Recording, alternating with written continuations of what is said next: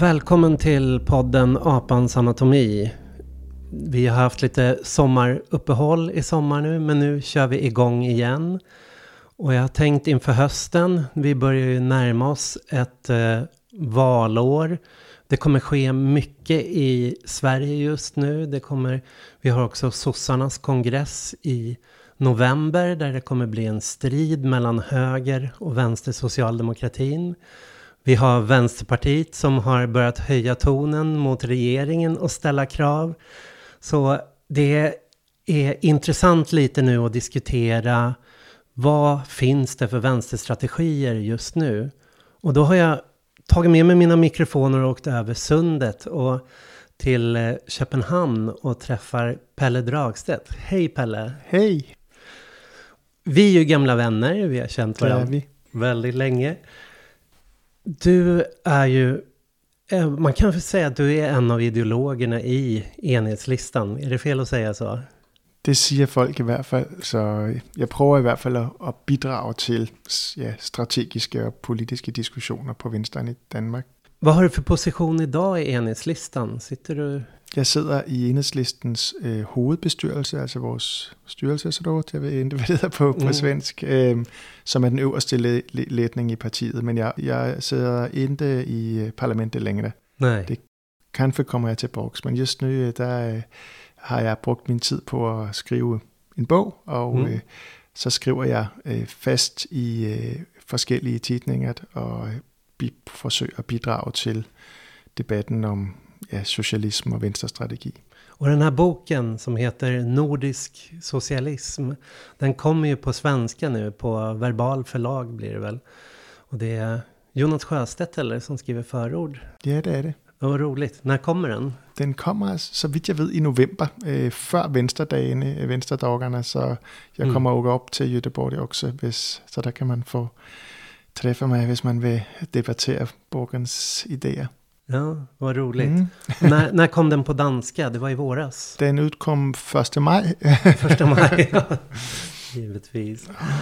Ja, vi ska gå in lite och prata om den boken och begreppet nordisk socialism också, var det mm. kommer ifrån. Men för svenska lyssnare så är eh, enhetslistan är kanske inte självklart att man förstår vad det är för parti. För att i Danmark. Ni har ju både Vänstre som motsvarar Liberalerna mm. i Sverige och Socialistisk Folkeparti som motsvarar Vänsterpartiet. Men vad är då enhetslistan? Idag är enhedslisten faktisk väldigt tæt på Vänsterpartiet i Sverige, så det är det, mm. det bedste parti at, at jämföra med, og vi har et väldigt bra sam, samarbete med Vänsterpartiet, og väldigt mycket, øh, vi deler väldigt mycket på strategi og politik, så, så vi er lidt det som Venstrepartiet, men så vores historie i enhedslisten er, at vi er en sammenslutning af en række af de mange små venstrefløjspartier og fraktioner, som jo fandtes på 40-tallet og 80-tallet. Så vi, enhedslisten blev grundlagt af det gamle kommunistiske parti, altså det Moskva-tro kommunistiske mm. parti, det trotskistiske parti, Fjerde Internationale, af det øhm, venstre-socialistiske parti, sådan lidt euro kommunistisk øh, tradition, kan man måske sige, og, og, så en, øh, og så det maoistiske parti. Så Enhedslisten blev grundlagt som et valgsamarbejde, mm. men har siden udviklet sig til et parti. Og i dag, øh, der er langt de fleste medlemmer af partiet, har ikke nogen historie i de gamle partier. Og, og vi er i dag ikke et valgsamarbejde, vi er et rigtigt parti med, mm. hvor de enkelte partier har ingen særskilte rettigheder i, i enhedslisten. Nogle af dem findes slet ikke mere, øh, og øh, nogle findes øh, stadigvæk, men, men har ingen formelle rettigheder i enhedslisten. Så vi er et, vi er et parti, og, og politisk ligger vi nok på mange områder tæt på, hvor Venstrepartiet er placeret. På nogle områder måske lidt til venstre. Og hvad er skillnaden på enhedslistan og Socialistiska Folkeparti? Ja, altså øhm, vi har øh, nogle store strategiske forskelle. Altså, vi kalder lidt Socialistisk Folkeparti, de bliver måske lidt hårdt kaldt hjælpe socialdemokrater. Fordi de orienterer sig meget mod at være i en, i en tæt relation og undgå konflikter med Socialdemokratiet. Og vi har en lidt mere konfliktfyldt relation mm. til Socialdemokraterne. Så det er oftere, vi vælger at stå uden for aftaler. Vi er også mere altså, parate måske til at true en socialdemokratisk regering, øh, ligesom vi så Venstrepartiet i øvrigt gøre her før, før sommeren. Meget, meget spændende at følge fra, ja. fra Danmark. Så der er en forskel. Jeg tror også, at enhedslisten er meget, altså, hvor sådan antiimperialistiske positioner er stærkere, altså som, som et fredsparti. I forhold til den europæiske union, der er enhedslisten langt mere kritisk over for EU, øh, mens Socialistisk Folkeparti er tilhænger af, af EU. Mm. Ni har haft en grønnere profil også? Ja, det har vi helt sikkert, en, en, øh, det har vi, men, men, men Socialistisk Folkeparti opfatter også sig selv som et, som et grønt parti, mm. og har også en historie der. Så vi har et udmærket samarbejde med øh, Socialistisk Folkeparti, men, men øh, jeg tror, vores sådan karakter sådan et antikapitalistisk, antiimperialistisk parti er, er stærkere, og vores forståelse af, at, eller vores idéer om, at ligesom at hvis noget skal forandres, så handler det, vi, vi er måske et mindre parlamentarisk orienteret parti også, vi er mere optaget af, af vores partis rolle, også for eksempel i facket og ude i, i, i folkelige rørelser. Så ja, så det er nogle af de forskelle, som findes, men der er også mange ligheder. Man kan godt spørge sig selv, hvorfor har vi to partier i Danmark mm. øh, til venstre for Socialdemokraterne? Det er jo ret usædvanligt i, i Europa. Men, øhm, men sagen er jo, at det går ret godt. Altså just nu, der kom en opinionsmætning, og der til sammen har, har altså enhedslisten stod til 9%, og, og Socialistisk Folkeparti også til 9%, så til sammen mm. har vi faktisk ja, det var faktisk næsten 20 procent til sammen. Mm. Og det er jo faktisk en vældig stærk venstre hjemført med andre europæiske øh, lande. Og kanskje har det at gøre med, at vi er to partier, fordi vi kan appellere lidt grann til forskellige grupper, forskellige segmenter. Men vad är det för segment då som stödjer enhetslistan om man ska se till sammansättningen? Mm. Tyvärr kan man sige, vi, vi, vi vil jo gerne være et masseparti for den brede arbejderklasse, men, men realiteten er, at når vi ser på vores øh, vælgere, øh, så har vi stadigvæk en overvægt af vælgere med lang uddannelse og udbildning. Hmm. Vi har en overvægt af vælgere fra de store byer, og vores opbakning for eksempel fra faglærte arbejdere er, er der er en underrepræsentation. Hmm. Og det er jo lidt skidt for et parti, som gerne vil være et arbejderparti.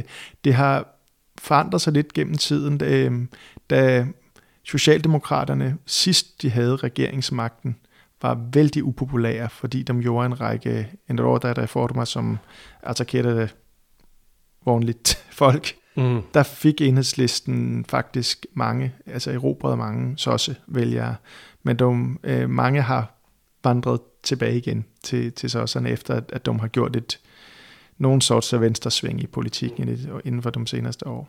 Men just nu är ni vågmästare. Ni är som kingsmaker och kan vara kingsbreaker.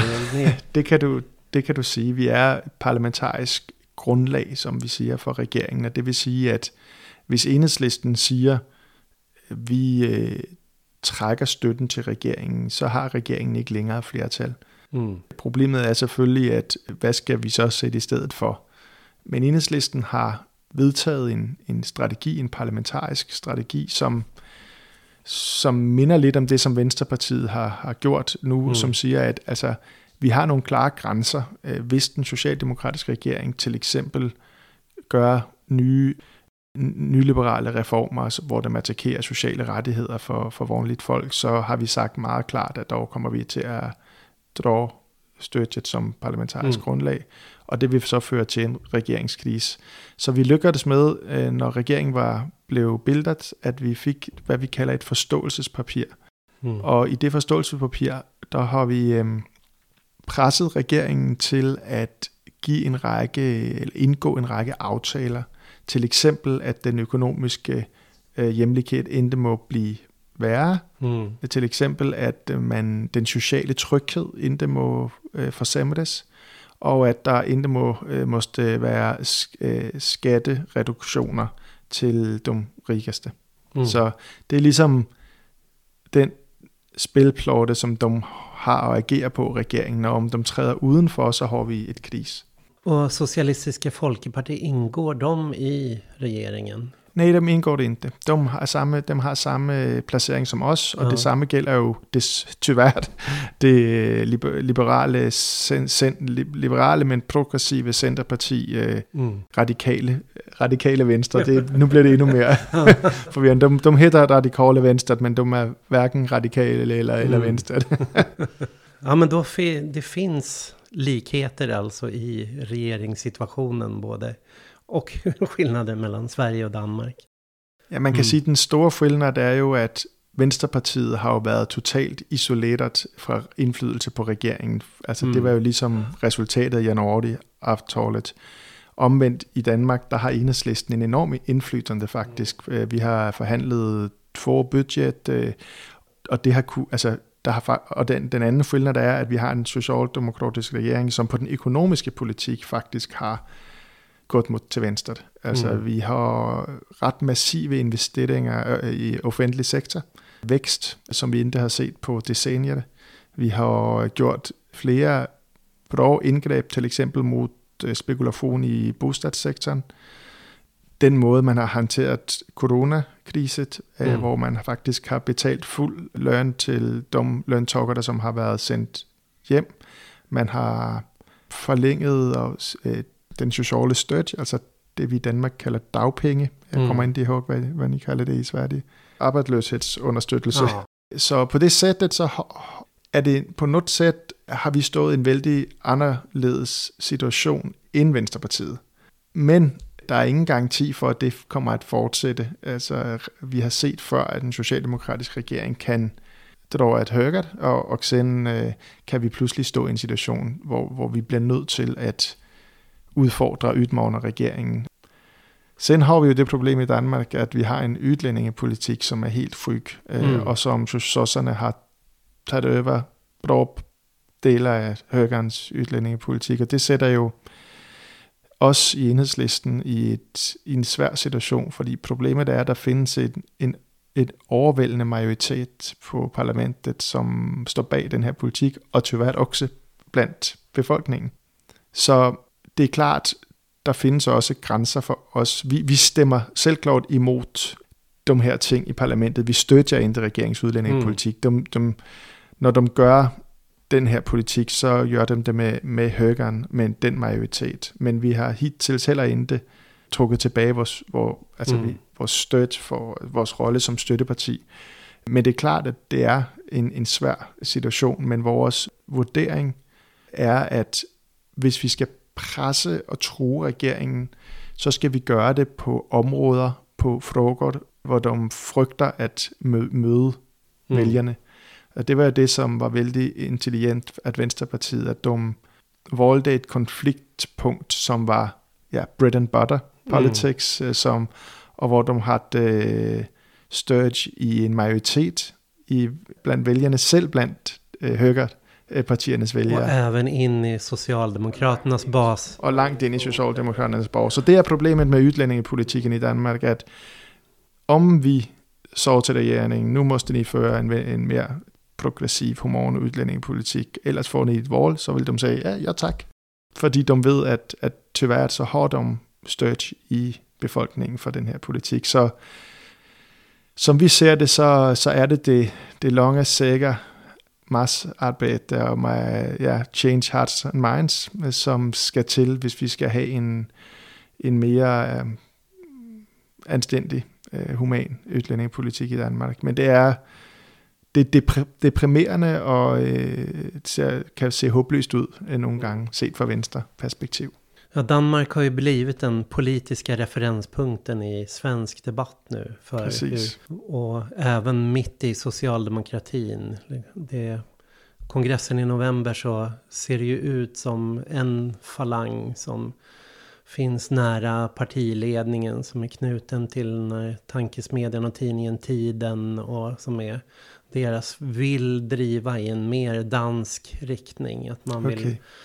Man vill satsa på en grön klimatpolitik, driva vissa välfärdsfrågor, men man vill också eh, mm. närma sig höger när det gäller brottslighet och mm. migration. Liksom, och göra den, den kombinationen, stå och balansera där i mitten. Medan mm. andra falangen då i reformisterna försöker då utmana inom välfärdsfrågor och är tysta mm. i de andra frågorna. Ja. Och vad tror du vill vara den, den rätta formular för att vinna valet? Mm.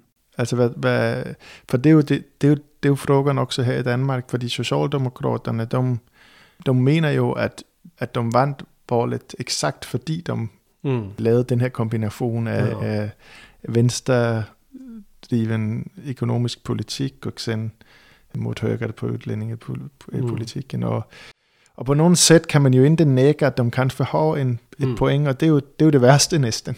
mm. ja. Jo, men eh, man kan ju se svenska socialdemokraterna, de försökte ju välja en strategi.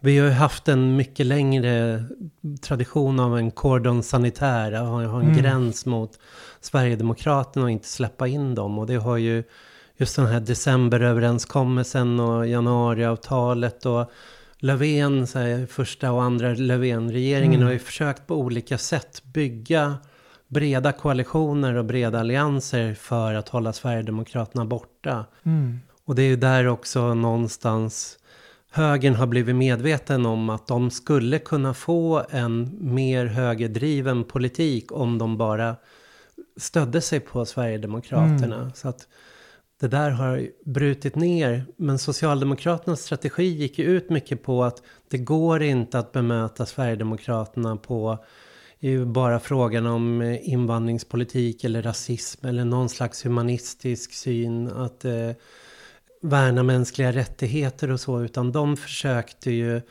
säga att ja, men, Sverigedemokraterna är ett borgerligt stödparti. De kommer mm. rösta med nyliberala ekonomiska reformer så här, mm. och har gjort det i kommunerna i Sverige. Ja.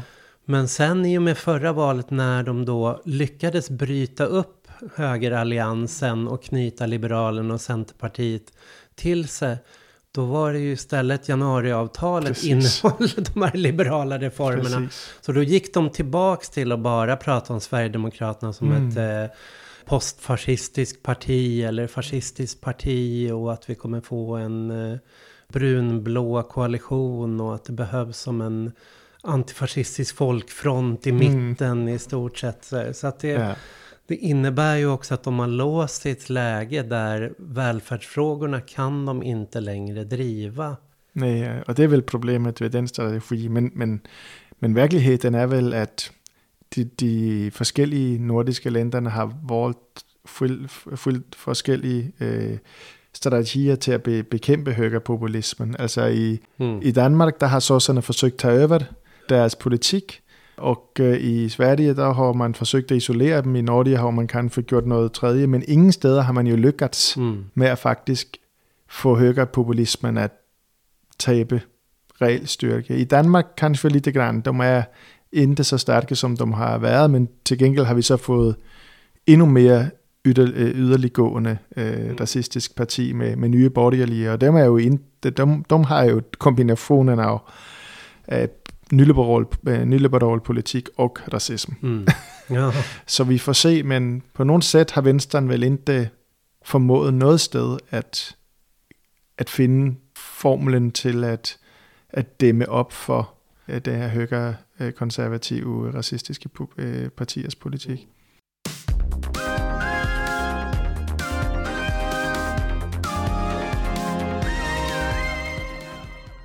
Och om vi ska gå över till din bok då, passande yeah. nog.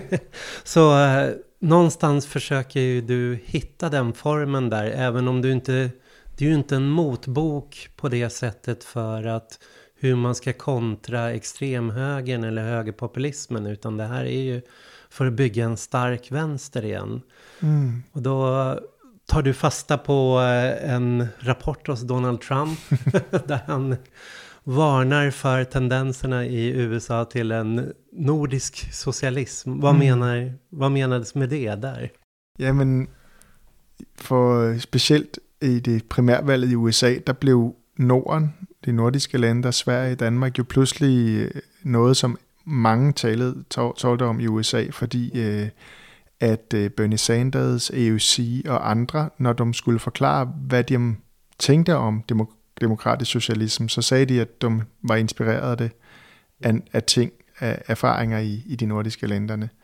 Og det fik så Donald Trump og Fox News øh, til at reagere med de her advarsler om, hvor forfærdeligt forholdene var øh, i Danmark og Sverige og Norge. Øh, høje skatter og ingen frihed. Og, øh, men, men den her debat øh, fik mig til at tænke på, og det er også derfor bogen hedder Nordisk Socialisme, den spørgsmålet er om, fordi i, i Danmark, der afviste hele det politiske spektrum det her. Altså, selvfølgelig er mm. Norden ikke socialistisk. Øh, der er intet, jo, måske noget velfærd og noget reguleret kapitalisme, men socialisme har det ikke noget med at gøre.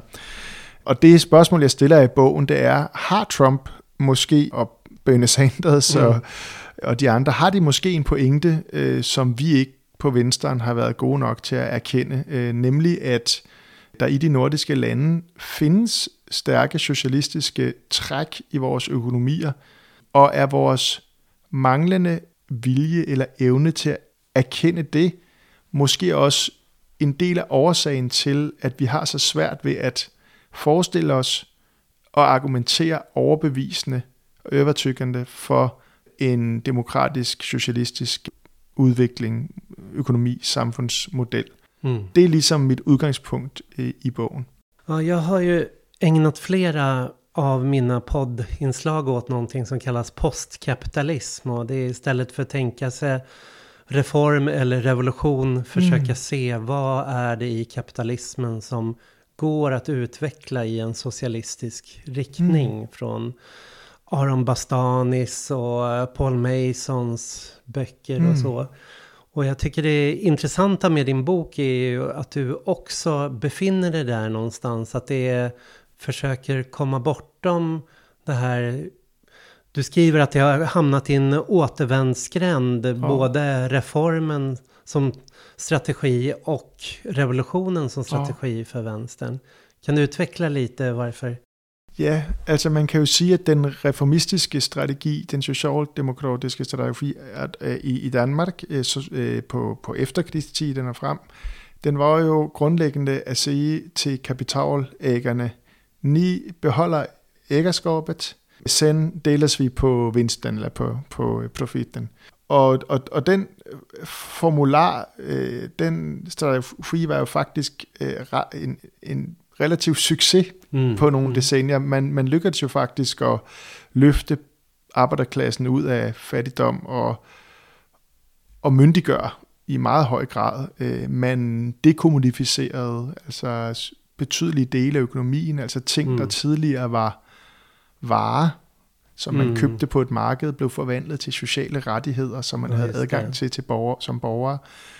Så på mange måder var det jo, og, og, og styrkeforholdene i samfundet blev jo grund, markant forandret, øh, også gennem selvfølgelig kollektive aftaler og så videre. Men det viser sig jo også at være en meget sårbar eller skrøbelig strategi, fordi lige så snart at krisen satte ind på 70'erne, så havde kapital, kapitalæggerne jo fortfarande den reelle magt. Jeg citerer jo en svensk socialdemokratisk økonom, øh, Rudolf Meitner, mm. som jo tidligt erkendte det problem. Han sagde, og det var jo bare baggrunden for hans forslag om løntaggerfond. Han sagde, mm. om, om vi ikke udmåner øh, kapitalæggernes ejendomsret, så vil de øh, hjemt have en pistol rettet mod tændingen af arbejderrørelsen. Og det er jo meget præcist beskrevet øh, problemet med den socialdemokratiske, funktionssocialistiske tradition.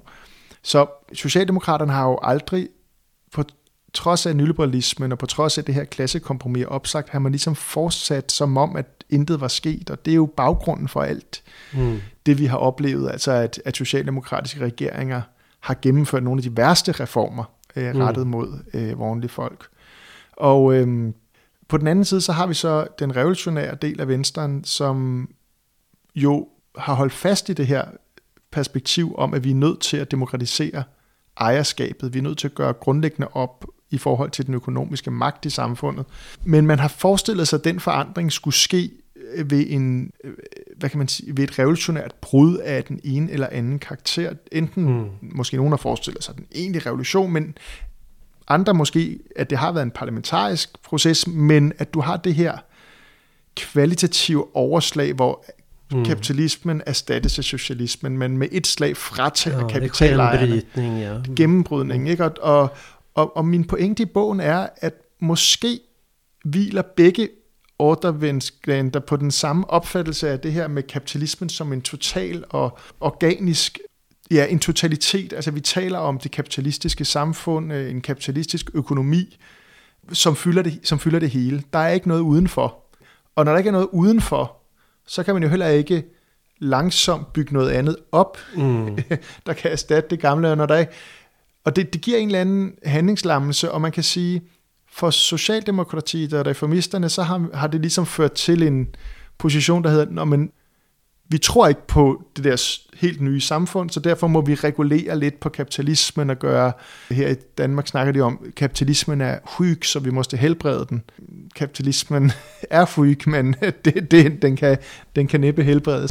Men, men øhm, øh, op på, på den revolutionære venstre har man ligesom på grund af det her opfattelse udskudt socialismen til noget, der ligesom kommer efter revolutionen. Altså som en, det er ligesom blevet pie in the sky, som er som, er, altså, som ligesom kommer, når kapitalismen er færdig. Det er selvfølgelig hårdt skåret, for der findes selvfølgelig teoridannelser og traditioner, mm. som har et mere nuanceret billede. Men grundlæggende vil jeg alligevel holde fast i, at det er sådan, vi har talt om kapitalismen. Sådan en, vi snakker om de her produktionsmåder eller samfundet som sådan rummelige, altså spa- spatial, altså at Mm. vi, vi snakker for eksempel om reformer inden for kapitalismen, eller uden for kapitalismen, eller systembrydende, gennembrydende reformer. Altså som Mm. om, at, at vi ligesom kunne definere, her starter og slutter kapitalismen, men Ja. virkeligheden er jo, at, at samfund og økonomier er komplekse systemer af, hvad hedder det, af menneskelige interaktioner og måder at producere på.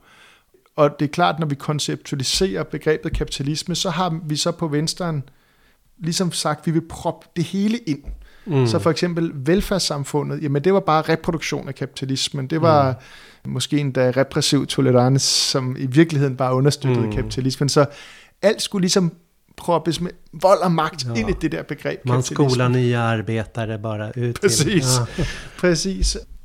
Det jeg foreslår i bogen, og i virkeligheden er jeg øh, startet den her tankegang inspireret af to amerikanske feministiske marxister, Gibson Graham, som, som skrev en artikel tilbage i 90-tallet, øh, som jeg kan ikke huske titlen, det hed noget med Doing the dishes while waiting for the revolution, something Mhm. mm. like it. Øh, jeg kan ikke huske præcis. Men deres pointe var præcis, vi har skabt, det var den diskursive periode, men Mhm. deres pointe var, vi har den måde, vi har konstrueret kapitalismen på, som et organisk system, som et sådan selvopretholdende system, som et totalt system, det gør det næsten selv sagt, at det er umuligt at forestille sig et alternativ. og så foreslog de, og det er sådan set det, jeg bærer videre i bogen, hvad nu hvis vi definerer kapitalisme mere snævert? Hvis kapitalisme rent faktisk er det, som kapitalismen op, oprindeligt er defineret for udbyttelsesproces mellem en kapitalejer og, og en lønmodtager med henblik på udveksling på et marked, som er drevet af, af, kapitalakkumulation. Hvis nu vi siger, at det er kapitalisme, og så kigger vi på de nordiske samfund, på Sverige, på Danmark, på Norge, på Finland, så vil vi jo se, at betydelige dele af vores økonomier dårligt bare kan beskrives som kapitalisme. Mm. Altså, vi har en offentlig sektor. I Danmark, der er det omkring 20 procent af BNP, altså hver femte kroner, så man sige, vi skaber, skabes i den og, og offentlige sektor. Det er hver tredje dansker, der går på arbejde, så hver tredje arbejdsstyrken, der går på arbejde i den offentlige sektor. Men i den offentlige sektor, der har vi jo ikke kapitalejere, der ejer produktionsmidlerne. Mm. Vores øh, hospitaler, plejehjem, børnehaver, folkebiblioteker, kulturinstitutioner, universiteter, infrastruktur. I Sverige er jo også en række statsejede selskaber, er jo ikke ejet af kapitalejere, de er ejet af os alle sammen, basically mm. som borgere. I hele vores velfærdssektor går folk på arbejde, men de varer eller de ydelser, de producerer, udveksles jo ikke på et marked med henblik på profit. De udveksles via et solidarisk skattesystem, efter det socialistiske princip er yde efter evne og få efter behov, basically. Mm.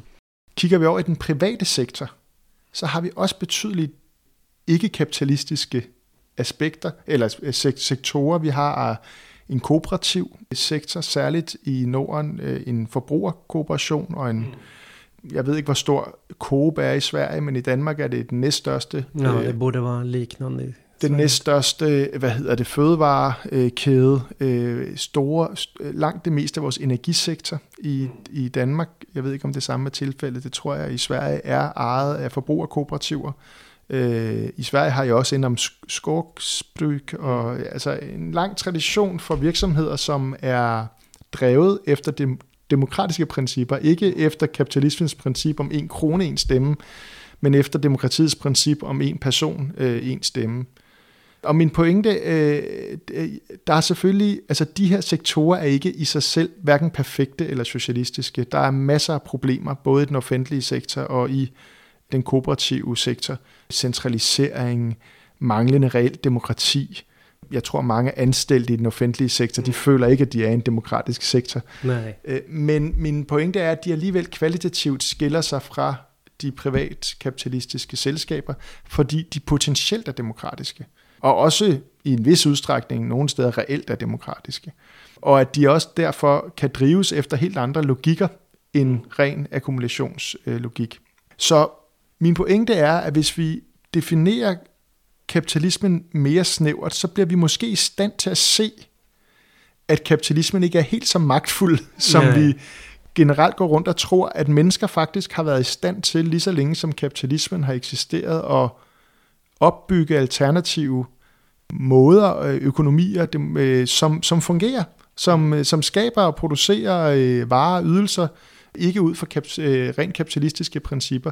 Så på den måde kan man vel sige, nu snakkede vi om, at vi var gamle venner, at mm. der er vel en vis parallel mellem den her tankegang, jeg ruller ud i bogen, og så den gamle sådan frirums tankegang, som fandt på, som fandt på øh, ja, i, ja, hvad kalder vi det, BZ-bevægelsen ja. og den autonome rørelse. Ja.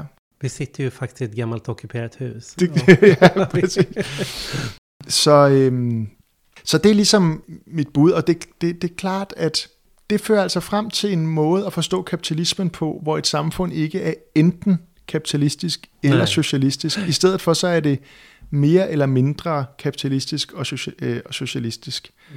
Altså det, det, det er ikke et sort-hvidt binært valg, mm. det er et, snarere, snarere et kontinuum. Og jeg synes, det blik gør det nemmere at forstå, hvad forskellen for eksempel er på de nordiske lande og USA. For vi kalder dem jo kapitalistiske samfund.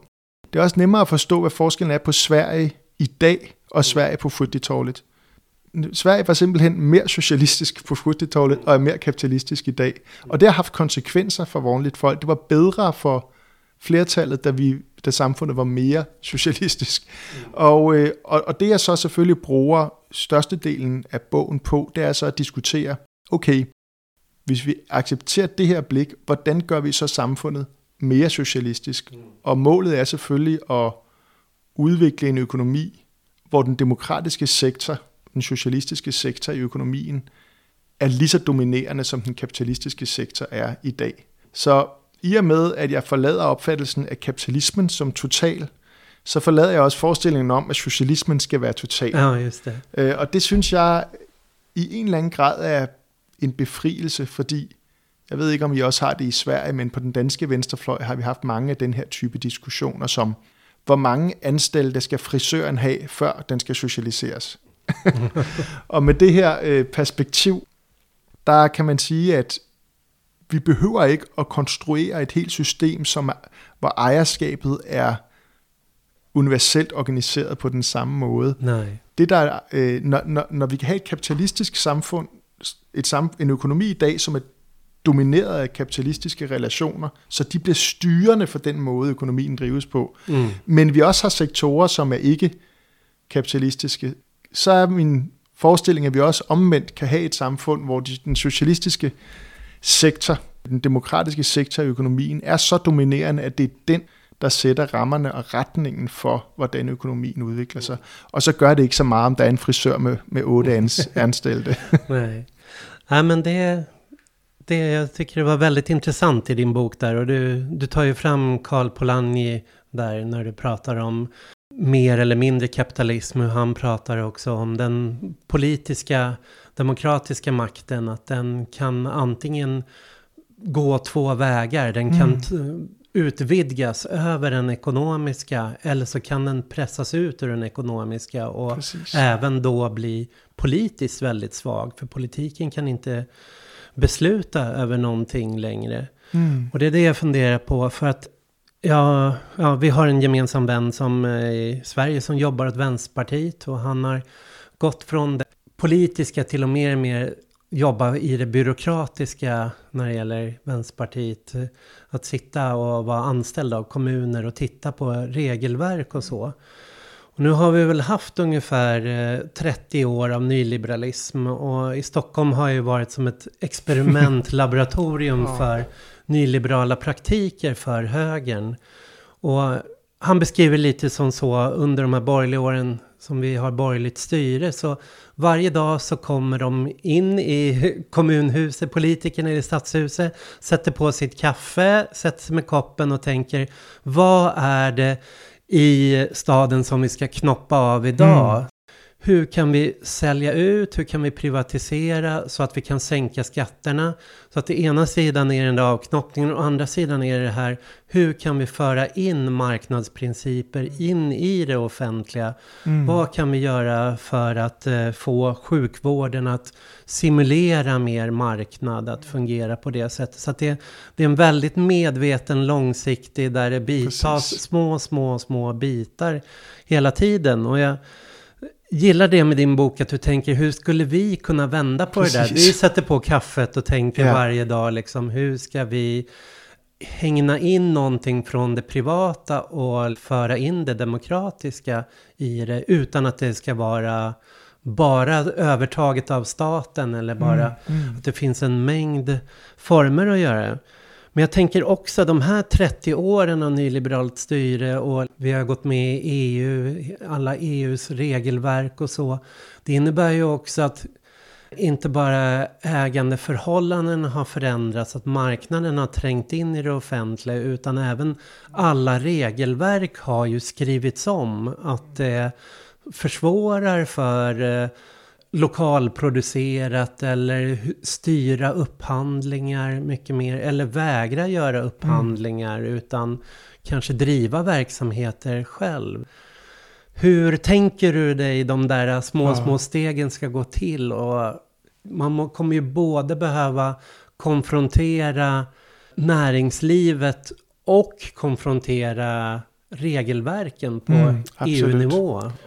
Ja, alltså det är klart att det en række af de forslag, jeg stiller i bogen, som, som kræver ændringer i regelværket. Altså særligt EU's statsstøtteregler gør det meget svært for øh, staten at gå ind øh, med kapital for at understøtte nye øh, produktionsvirksomheder for eksempel. For eksempel at etablere en offentlig bank, som vil er et vigtigt forslag i min, i min bog, kan støde på modstand øh, fra øh, EU's statsstøtteregler. Ikke desto mindre findes der jo offentlige banker i en række europæiske lande mm. øh, allerede i dag.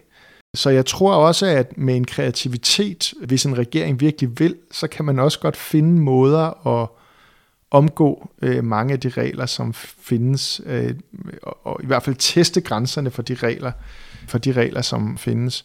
Så det handler jo også om at se, hvad er det, man har gjort i andre lande.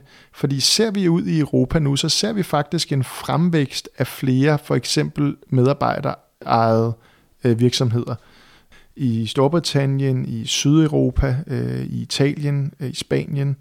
Og der kan man jo se, at de steder, hvor der er en fremvækst, altså en, øh, hvor at, at flere virksomheder skifter fra kapitalistiske til demokratiske, mm. det er de steder, hvor der findes et regelværk rundt omkring, som understøtter øh, det her. Og hvor der øh, findes en bran i, i selve branchen, om man så må sige, findes for eksempel stærke finansieringsmuligheder, øh, kooperative banker, som er i stand til at tilføre kapital. Så det er jo en, øh, en vej frem, at vi skaber øh, det, man i erhvervslivet kalder bedre rammevilkår, mm. men denne gang bedre rammevilkår mm. for for, for virksomheder, som er, har brede ejer, demokra- som er demokratiske og har brede ejergrupper, enten lønmodtagere, eller, eller medarbejderne, eller forbrugere, eller andre interessenter, øhm, og dermed udfordre den ejermodel, som findes. Men det er klart, at skal vi demokratisere de store virksomheder, altså de dominerende selskaber, så er vi nødt til at tænke anderledes, og der er det jo at diskutere den her øh, gamle forslag om løntorkerfonde som en model, som vi måske skal prøve at se på igen. Fordi at jeg har svært ved at se, hvordan man ellers skal demokratisere ejerskabet til store dominerende aktieselskaber. Med mindre det sker ved en sådan big bada boom revolution, hvor man om, altså, om så må sige, går tværs igennem mm. tværs igennem lov til sejr, som, mm-hmm. som vi synger i Danmark. Men hvis det, og ideen om løntorkerfond er jo, at, at man gør det, altså laver en form for skat, som tvinger store virksomheder til år for år at overføre en del af deres aktiekapital til en fond øh, ejet af en fond, som er placeret i, altså som er kontrolleret af medarbejderne. Mm. Ikke individuelt ejet, men øh, kollektivt ejet af medarbejdere. Er det de, de, de til enhver tid øh, ansatte, øh, anstillede medarbejdere på en virksomhed. Nogle af de her forslag kan givetvis løbe ind i, i problemer med EU-regulering, og vi selvfølgelig møde ind i massiv modstand fra den nuværende dominerende klasse, som ikke ønsker at dele magten fuldklart med deres, mm. med deres øh, medarbejdere. Og det er klart, at det betyder også, at forudsætningen for at kunne gennemføre mange af de reformer, som jeg foreslår, mm. det er jo, øh, at der opbygges styrkeforhold, som gør os i stand, gør os i stand til det.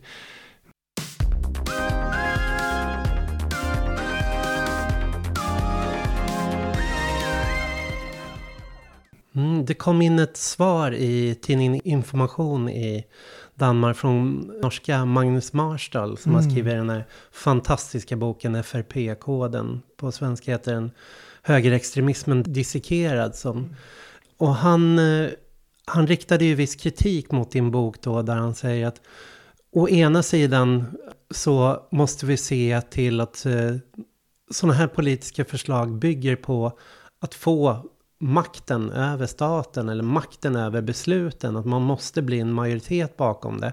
Å andra sidan så tittar du då på vad är det där vi kan rulla tillbaks kapitalismen och rulla ut socialismen eller demokratin mm. innan. Och han, han tyckte att det, det fanns en brist i kopplingen mellan de där två. Att du ägnar mycket åt att prata åt det där viktiga liksom hur vi ökar den demokratiska makten mm. över ekonomin. Men hur vi ska göra för att eh, kunna genomdriva det här. För att han tar upp till exempel att vi, till exempel varför misslyckades löntagarfonderna i Sverige? För det var ju en väldigt, alltså löntagarfonderna var ju inte ett beslut som tog snabbt, utan det Nej. var ju i början av 70-talet började det diskuteras i LO. Det förankrades i studiegrupper som diskuterades i hela fackföreningsrörelsen under en väldigt Precis. lång tid.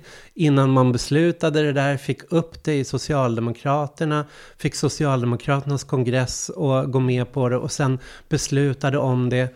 Och det var ju också där vi såg den första motoffensiven Precis. från den nyliberala högern. Mm. Att det, som liten punkare så det var det första jag sprang på var de här äh, rock mot högern samma dag som de hade sina okay. massdemonstrationer ja. mot löntagarfonderna 4 oktober mm. varje år. De var ju de var ju tusentals ute på gatorna ja. just då. Att det, var, det var den frågan som de tog som sin spjutspets för att sänka så här, och då hade vi 68 i ryggen. Vi hade 1980, 81 mm. var Socialdemokraterna hade över 50 procent i, och, eh, i opinionsundersökningen. De har aldrig varit så stora i Sverige. Då kom vi till den punkten. Precis. Nu är vi väldigt tillbakspressade. Ja. Och att vi har en socialdemokrati som är centrister, gått inom mitten. Mm, och så ja. har vi då enhetslistan, Vänsterpartiet, som står utanför och försöker pressa det här. Hur ska vi komma till den här äh, momentumet eller liksom... ja, ja jag, jag säger inte det, det är lätt, absolut inte, men, men man kan ju säga att, att när du nävner øh, den svenska högerns enorma mobilisering mot löntagarfonder så visar det ju också att de faktiskt var rätta. Alltså att de så att det här var en fråga om att flytte makt. Og det første, som Carl Bills regering gjorde, når den kom til, det var jo at slutte oh. ned. Og det viser jo selvfølgelig også øh, svagheden ved den model for løntåkerfonde, at, at en, en et højreflertal bare kunne sige slut. Ja. Uh, der måste man nok forsøge at gøre en konstruktion, som gør det vældig svært at uh, rulle tilbage. Mm. Til eksempel tror jeg, at det er en god idé, hvis en løntoggerfond faktisk betaler ud en dividend hver de år, år til løntoggerne, øh, for så bliver det kanskje lidt desværre øh, for, en, for en borgerlig regering at, at gøre slut på, på det. Men, men, men selvfølgelig er det svært. Omvendt, så, så kan man sige, at ser vi på udviklingen øh, senest i Storbritannien og i USA øh, i de seneste år, så var der vist ikke nogen af os, der havde forventet, at en erklæret demokratisk socialist som Sanders var tæt på at nå nomineringen til USA's øh, eller til demokraternes kandidat. Mm. Vi havde heller ikke set få år før, at øh, Labour ville øh, øh, dreje sig stærkt til venstre, som de gjorde med, med Corbyn, mm. øh, og være tæt på at vinde valget i 2014. Øh, mm. øh, og, og det viser jo, at, at positioner, som kan være relativt marginale, øh, nogle gange ret hurtigt kan forandre sig til, øh, til at blive stærke. Og, og derfor synes jeg, at, og specielt i den tid, vi lever i nu, fordi på en måde er det jo sådan en opbrudets tid. Altså det er jo også, vi havde heller ikke set et fænomen som Trump, havde man også troet var løgn. Og på en eller anden måde, måske bevæger vi os mod en anden tid nu, men der har i hvert fald været et, et vindue i nogle år, hvor at boldene var oppe i luften, og hvor folk ønskede forandring og var utilfredse med det gamle politiske klasse. Vi har set nye partier opstå. Og nogle steder er det jo faldet rigtig slemt ud med, med Trump, eller med Orban, eller med Boris Johnson for den sags skyld. Men der har jo altid været et venstreorienteret progressivt alternativ også. Mm. Og på en eller anden måde, så synes jeg, at vi har et, et ansvar som venstre for at forsøge at gøre os klar til den situation, mm. opstår.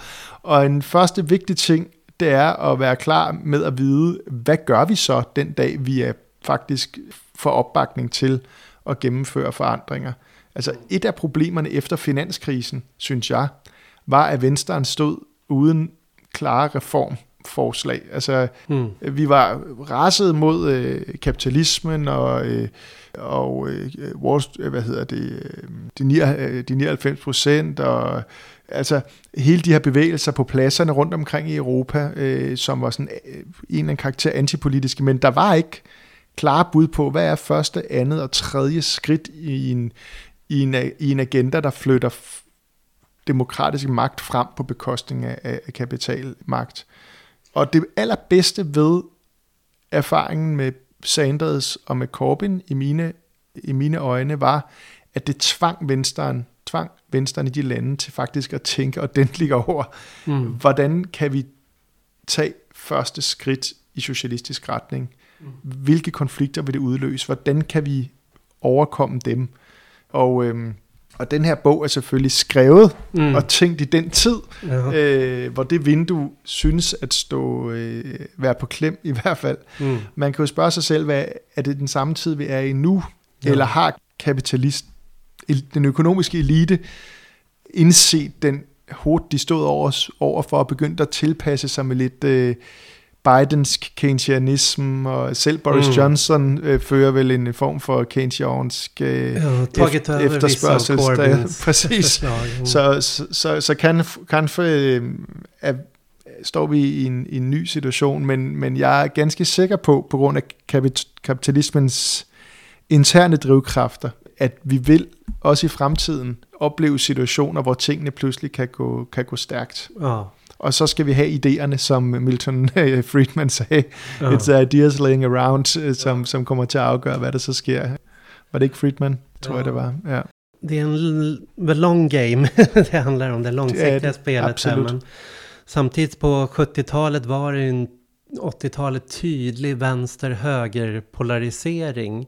Där vi nu snarare står inför en slags tre block. Där vi har en samling i mitten, vi har en samling väldigt långt åt höger och då så har vi en ny form av vänsterflygel som håller på att formera sig. Och då är där delar av de konservativa, precis som du sa, har släppt lite det här. Eh, alltså de är ju fortfarande mycket för en nyliberal politik, men de eh, har ju också blivit mer för statsintervention efter pandemin. Med, och även inför en rad av de sociala kriser de står inför med ökade klassklyftor och oroligheter inom egna men, og, men, men også fordi at den neoliberale recept, recept den er om, øh, altså på nogle sæt ikke længere bare tjener deres interesser. Der sker mm. jo også forandringer i kapitalismen, som altså dum, dum var jo tvinget, tvunget til at tage finans, gøre finanspolitikken aktiv igen, fordi mm. at de monetære redskaber var udtømt. Ja. altså, og, og så er der selvfølgelig hele spørgsmålet om rivaliseringen med Kina. Mm, jeg tror, ja. det var den, den danske Øh, EU-kommissær Margrethe Vestager, øh, en af de stærkeste øh, nyliberal, nyliberalister i Danmark, som sagde, men spørgsmålet er jo ikke, om staten skal ind og eje virksomhederne. Spørgsmålet er, om det bliver den kinesiske stat, eller om det bliver vores oh, egne stater. Det. så, så der sker nogle ting, som, som trækker i, i, i den retning lige nu, og det er selvfølgelig, selvfølgelig enormt interessant, hvordan Venstre... Det kan godt være, at vi skal have fundet de gamle stamokap-teorier frem igen om statsmonopolistisk øh, kapitalisme, for det kan godt være, det er den vej, vi, øh, vi, ja, vi var ju båda aktiva i globaliseringsrörelsen och det är mm. ju, nu har det varit 20 år sedan toppmötena i Göteborg och. Precis. Och vi har haft också en diskussion, vad har skett med de här globala världshandelsorganisationen, frihandelsavtalen, och se, precis som du säger, hur de delvis har tömt ut sina möjligheter och sen står inför Kina som också knyter andra länder till sig globalt. Och utifrån det, hur man ser som World Economic Forum nu, mm. de börjar stå, de måste hantera klimatfrågan, de måste hantera upploppsvågor, ökad fattigdom. Så mm. Så, ja, så ujæmlikhed har jo været højst på agendaen på World Economic Forum de sidste 3-4 år. Problemet er det, som du sagde for det, at der, der findes kanskje en erkendelse, også i den økonomiske videnskab, mm. er der jo et voksende fokus på ulighed og ja, ujæmlikhed og for konsekvenserne. Øh, men problemet er bare, at 30 års nyliberalisme har sat sig institutionelt i lov og regelværk, som du sagde. Og det har man ikke gjort noget ved øh, endnu. Så der er på nogen sæt en anden erkendelse, tror jeg, på eliteniveau og blandt økonomer om, at, altså, at den nyliberalistiske model, som vi har kendt, den ikke kan fortsætte, men, men det har endnu ikke omsat sig i, i policy. Man kan sige, hvad Biden kommer til at gennemføre i USA, blev enormt spændende i, oh. i, i forhold til det perspektiv. Ja, där är... Där, där verkar ju plötsligt ha svängt mer i en statsinterventionistisk riktning än man Precis. trodde var möjligt. Samtidigt som det känns att den konservativa högern och högerpopulismen har varit beredd mycket mer att bryta mot de här reglerna och gå utanför de här regelverken medan de centristiska krafterna, om det har varit liberaler eller socialdemokrater, har varit väldigt mycket mer att vi ska sköta ekonomin, vi ska, vi ska vårda det här systemet, vi ska genomdriva den här åtstramningspolitiken eller få sunda statsfinanser. Precis. Så det är de, och det är där jag är lite så här undrar att vi kommer ju stå i en konfrontation nu om vi ska genomdriva de projekt som din bok beskriver så är det ju inte... Det är en dubbel höger vi har mm. att bemöta där. Både den här konservativa högen men också det här centristiska blocket med socialdemokratin som har knutit till sig. Ja, men som har fackföreningsrörelsen och alla på ett sätt knutna till sig lite som gisslan.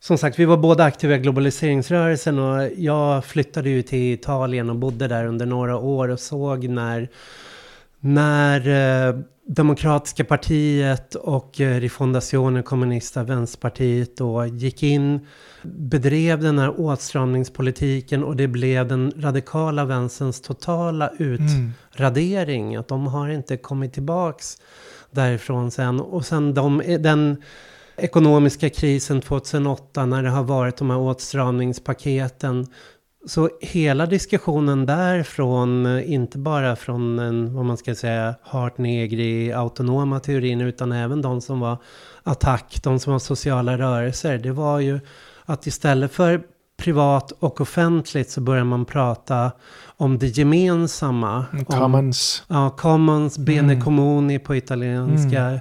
gemensam nytta på svenska. Och det var ju lite för att hindra privatiseringar, att bara bedriva kampanjer mot privatiseringar och behålla inom det offentliga skulle det ändå underordnas marknadsprinciper. Att det, så att det enda sättet att rädda någonstans det undanför marknaden var att ta ut det från det offentliga och ta över det till allmänningar, commons, det gemensamma. För att hindra högern från att kunna stycka upp, privatisera, sälja ut eller bolagisera det.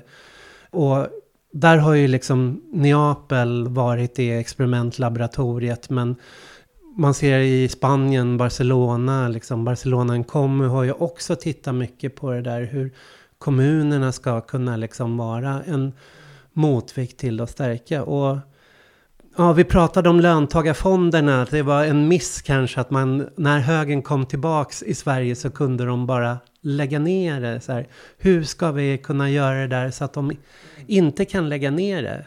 Att där är ju kooperativen är ju en väg, allmänningar, gemensam nytta. Jag synes, det är en viktig pointe i spørgsmålet om, att statsligt ejerskab er meget sårbart. Altså det er kun et spørgsmål om et regeringsskifte, og så kan ting, vi har gjort fælles gennem mange år, blive overdraget til kapitalisterne igen. Mm-hmm. øh, og det er også et af mine argumenter i bogen for at have... Jeg har ikke noget imod statsligt ejerskab, og jeg mener, at staten skal spille en vigtig rolle, ikke mindst i finanssektoren. Men jeg tror, det er vigtigt, at vi udvikler det, jeg kalder også en pluralisme af, af forskellige ejerformer, også de mere direkte demokratiske ejerformer, hvor det ikke er via staten, men som kollektiver, at vi ejer virksomheder, jord, øh, intellektuel ejendomsret, data, altså alle de hmm. former for kapi- kapital og produktion, som ligesom ja, bestemmer den økonomiske udvikling.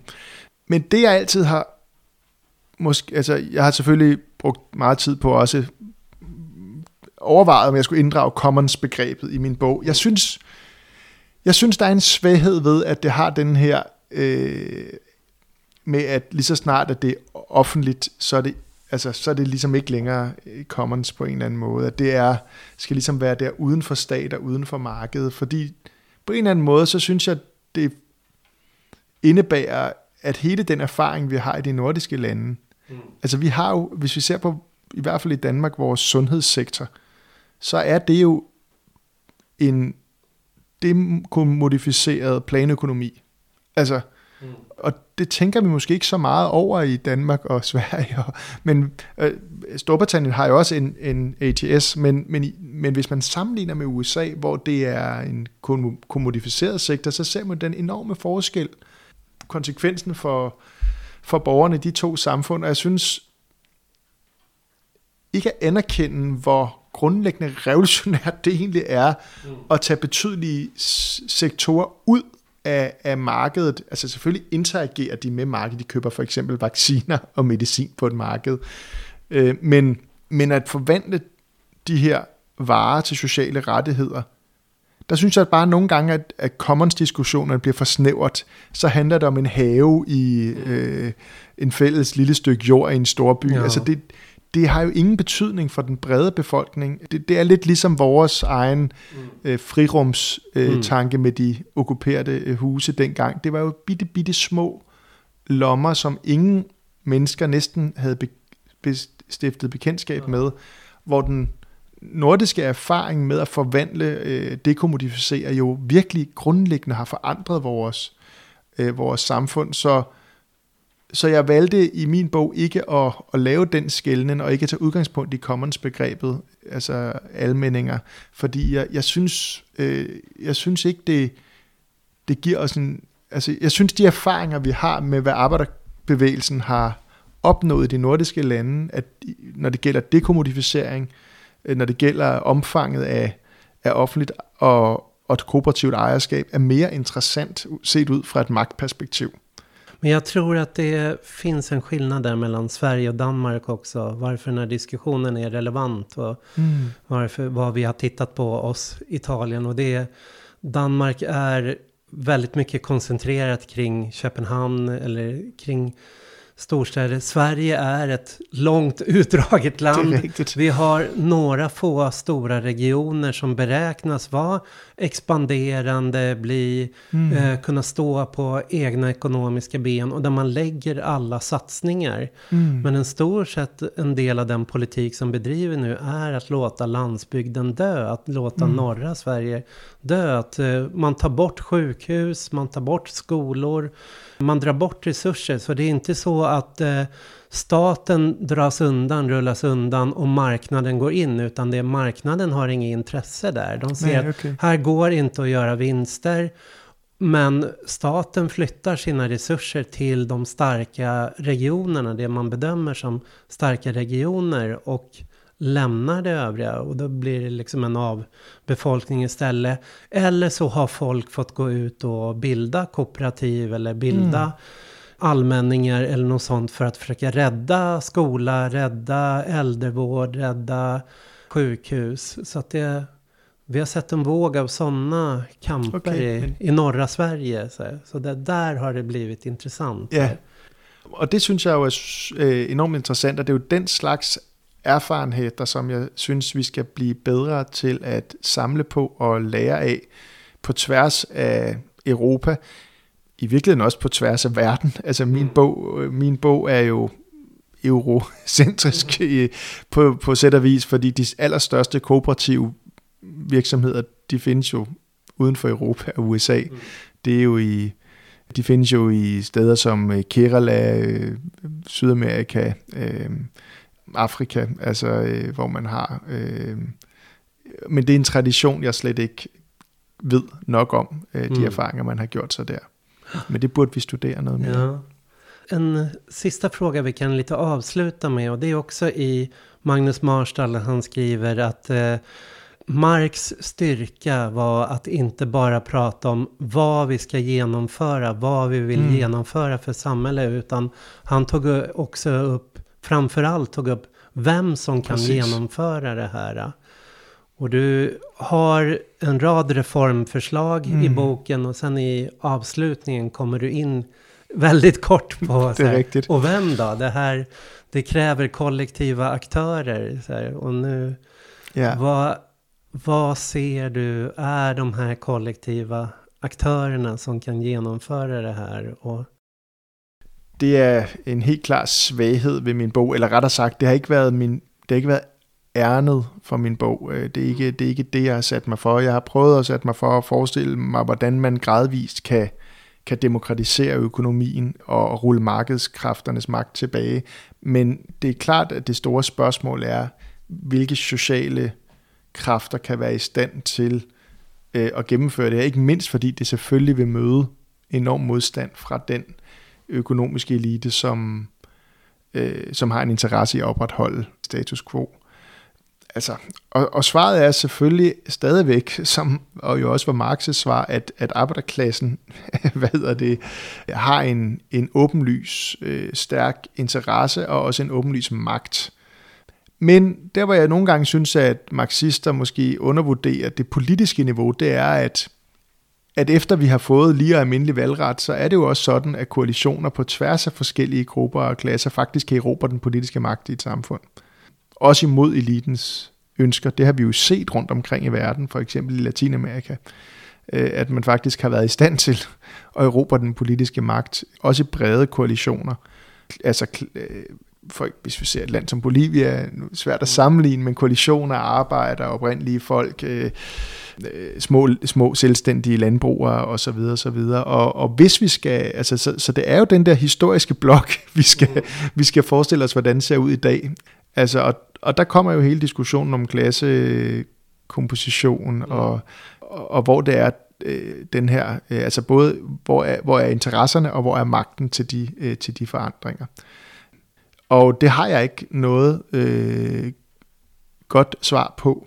Jeg har øh, beskrevet Jeg har prøvet at vise, at vi kan begynde at skabe socialismen i morgen. Vi behøver ikke at vente til efter revolutionen. Mm. Men det er klart, at forudsætningen, i hvert fald for nogle af de mere vidtgående reformer, det er, at styrkeforholdene forandres. Mm. Det, som jeg peger på i min bog, øh, lidt inspireret af øh, en britisk bog af, af Joe Ginnan og øh, Christian Barry, de skrev lige op til Corbyn, at de troede, Corbyn ville vinde, ville vinde valget, så de, de skrev ligesom, hvordan skal Venstren forholde sig til en Corbyn-regering. Mm. Det var det, bogen handlede om. Og en af deres pointer var, at de, de diskuterede, hvordan var det egentlig den nyliberalistiske forandring skete. Og de viste, hvordan det, det havde været en meget nøje planlagt proces, hvor man jo ikke startede head-on med øh, de største reformer, man startede skridt for skridt, øh, og man kan sige, for hver nyliberalistisk reform, man gennemførte, så ændrede man styrkeforholdene en lille smule. Når man for eksempel liberaliserede valutastrømmen, når man liberaliserede finanssektoren, så skabte det en række konsekvenser, der for eksempel stillede øh, fakket øh, svagere. Og Ginnan og Barry øh, foreslår, at vi som Venstre skal tænke den modsatte proces. Altså at, øh, at, vi, at hver eneste gang vi laver en reform, som flytter magt, mm så, så altså det er en, akkum, det er en øh, kumulativ proces, hvor øh, for eksempel hvis man etablerer en offentlig investeringsbank, solidt omfang, eller demokratiserer vores pensionskapital, så vi faktisk bruger den strategisk offensivt i lønmodtagerklassens interesser, så vil vi blive mindre sårbare over for kapitalflugt, for mm. eksempel. Mm. Hvis vi får flere medarbejderejede virksomheder, vil vi blive mindre sårbare over for trusler om udflytning af arbejdspladser, fordi vi, vi vil have en erfaring med at overtage og transformere den type af virksomheder til, til kooperativer. Og, og på den måde kunne man, kunne man blive ved. Så jeg tror, at øh, det har været mit bidrag. Mm. Men forudsætningen for det hele er selvfølgelig, at øh, det lykkedes at opbygge en opbakning til, at vi skal den vej, og så de kræfter, der vil, øh, der, der vil være i stand til at også tage de konfrontationer, som selvfølgelig vil opstå på vejen derhen. Og det øh, må der være nogle andre, der skriver en, en, ja. en bog om, hvordan man gør. Ja. Eller også må jag själv pröva att göra det på ett tidspunkt. Ja. Jag kan säga, ja, men jag, å ena sidan blev jag väldigt inspirerad av din bok, å andra sidan blev jag väldigt rädd också.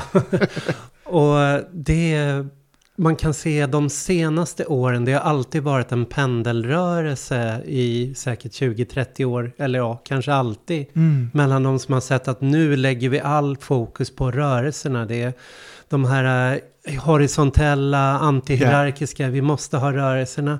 Och sen vinner man inga resultat, man vinner inga segrar, då svänger pendeln mm. till realpolitik, vi måste ha partiet, det är politiken, mm. det är där fokus måste ligga, hur vi ska kunna spela det politiska spelet, mm. bygga mm. alliansen och sen så når det sin eh, vägs gräns. Och då kommer en ny rörelse, det var, men vi måste bygga den här maktpositionen underifrån. Och jag tycker lite, om man ska förstå Corbyn och Sanders och så, då var ju oumbärligt att läsa Chantal Mouffe, Ernesto Laclau och förstå vänsterpopulismen, det här med deras Gramsci-läsning om historiska block som brytes upp. Hur skapar man nya majoriteter? Mm, och mm.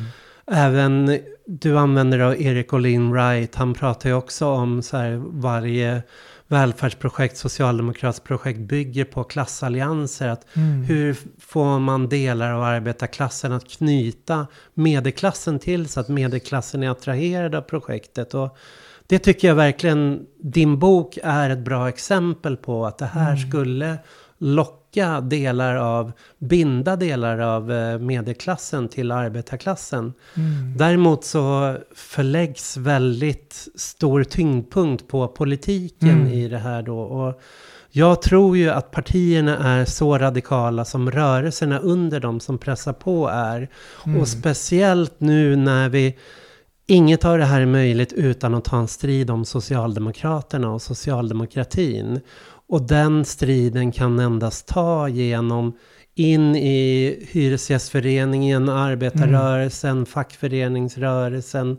Jag tror ju väldigt avgörande vad som sker mellan reformisterna och den här högersocialdemokratin och hur också se, titta på väldigt oroväckande och se med i Storbritannien, liksom hur snabbt eh, Corbyn och Momentum rensades ut ur partiet där. Att det utan att ha den där pressen underifrån in i partierna så är den här politiken står på en väldigt lös grund och snabbt kan kastas om. Så här, så. Jeg synes, det er en, en vældig præcis analyse af det, som, som er Venstrens udmåning. Vi måste have border.